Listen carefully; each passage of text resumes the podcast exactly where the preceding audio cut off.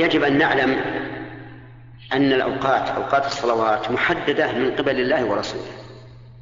قال الله تعالى إن الصلاة كانت على المؤمنين كتابا موقوتا محددا. والأصل وجوب الصلاة في وقتها. فمن صلى قبل الوقت ولو بتكبيرة الإحرام فصلاته نفل. إن كان جاهل يظن أن الوقت قد دخل. وإن كان متعمدا فهو متلاعب فصلاته باطلة مردودة عليه. إذا صلى ولو قبل الوقت تكبيرة الإحرام فقط.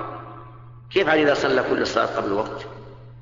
فمن صلى قبل الوقت فإن كان عالما أنه لم يدخل الوقت فهو متلاعب وصلاته باطلة مردودة ومن جهل وظن أن الوقت دخل فصلاته نافلة وعليه أن يعيدها بعد دخول الوقت. ومن صلى بعد الوقت فكذلك إن تعمد فصلاته باطلة ولا تقبل منه. لو صلى ألف مرة. وإن كان لعذر كالنسيان والنوم والجهل أيضا بالوقت يظن أنه لم يخرج فصلاته صحيحة.